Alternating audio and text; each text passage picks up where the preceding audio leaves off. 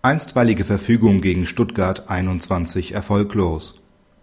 Der Antrag auf Erlass einer Einstweiligen Verfügung, der sich gegen den Abriss eines Gebäudes richtet, kommt zu spät, wenn der Antragsteller damit mehr als zwei Monate zuwartet, nachdem er von den Abrissplänen erfahren hat. Im Rahmen des Bahnprojekts Stuttgart 21 soll ein Teil des Hauptbahnhofs abgerissen werden.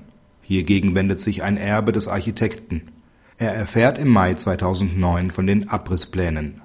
Unter Berufung auf das Urheberrecht des Architekten, in das er Kraft Erbfolge eingetreten ist, verlangt er vom Eigentümer des Bahnhofs, den Abriss zu unterlassen.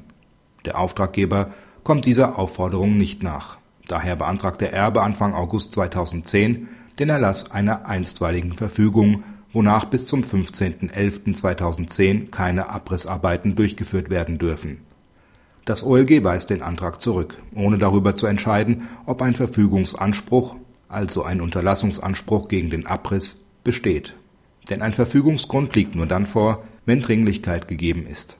Daran fehlt es aber, weil der Erbe mit der Durchsetzung seines urheberrechtlichen Unterlassungsanspruchs zu lange abgewartet hat. Die Obergrenze zieht das OLG unter Verweis auf die herrschende Rechtsprechung und Literatur bei zwei Monaten.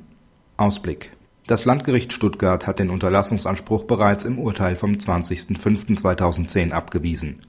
Die Berufungsverhandlung vor dem OLG Stuttgart findet am 6.10.2010 statt. Nachdem der Antrag auf Erlass der Einstweiligen Verfügung erfolglos blieb, dürften zum Zeitpunkt des rechtskräftigen Abschlusses des Prozesses bereits vollendete Tatsachen geschaffen sein